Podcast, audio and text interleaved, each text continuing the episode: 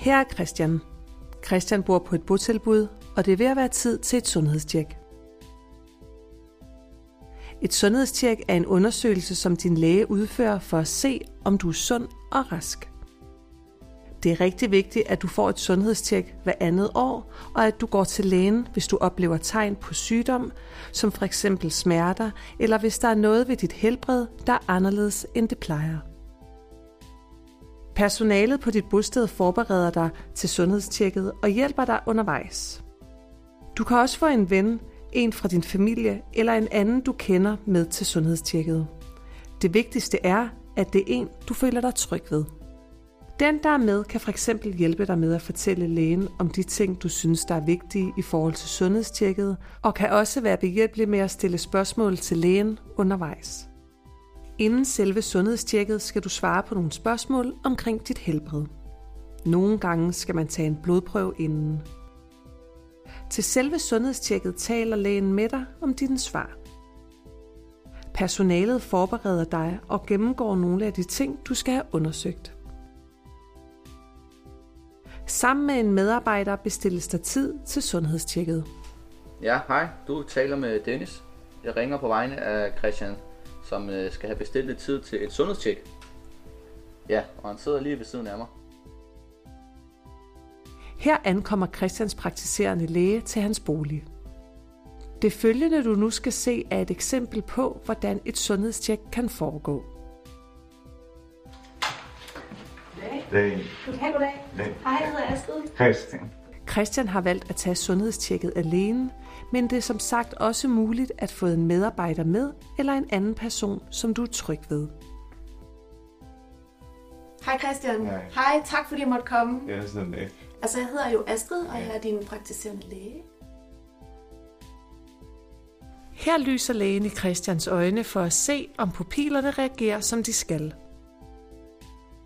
Hvis det er synet, der skal tjekkes, bruger lægen normalt en tavle med bogstaver og tegninger i forskellige størrelser. Kommer lige lidt tættere på. Lægen tjekker dig i ørerne med et otoskop for at se, om der er propper af ørevoks, eller om alt ser fint ud.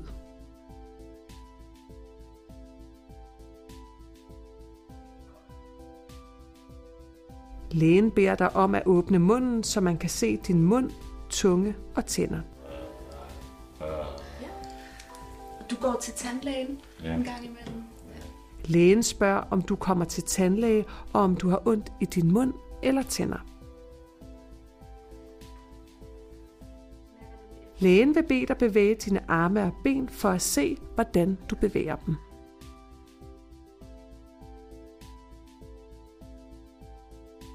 Christian, hvornår, hvornår var det egentlig, du fik lavet lungefunktionsundersøgelse sidste gang?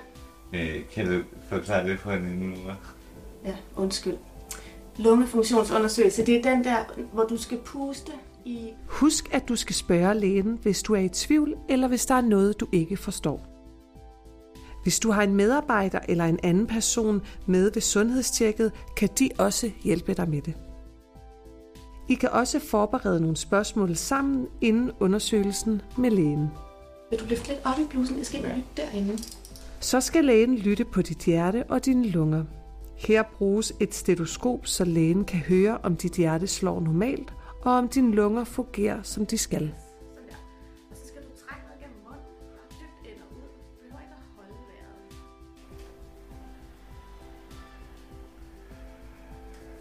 Og så armene ned langs min side. Godt. Og så mærker jeg dig på maven.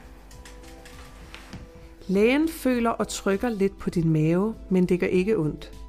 Det gør lægen for at undersøge, om maven og tarmene fungerer godt.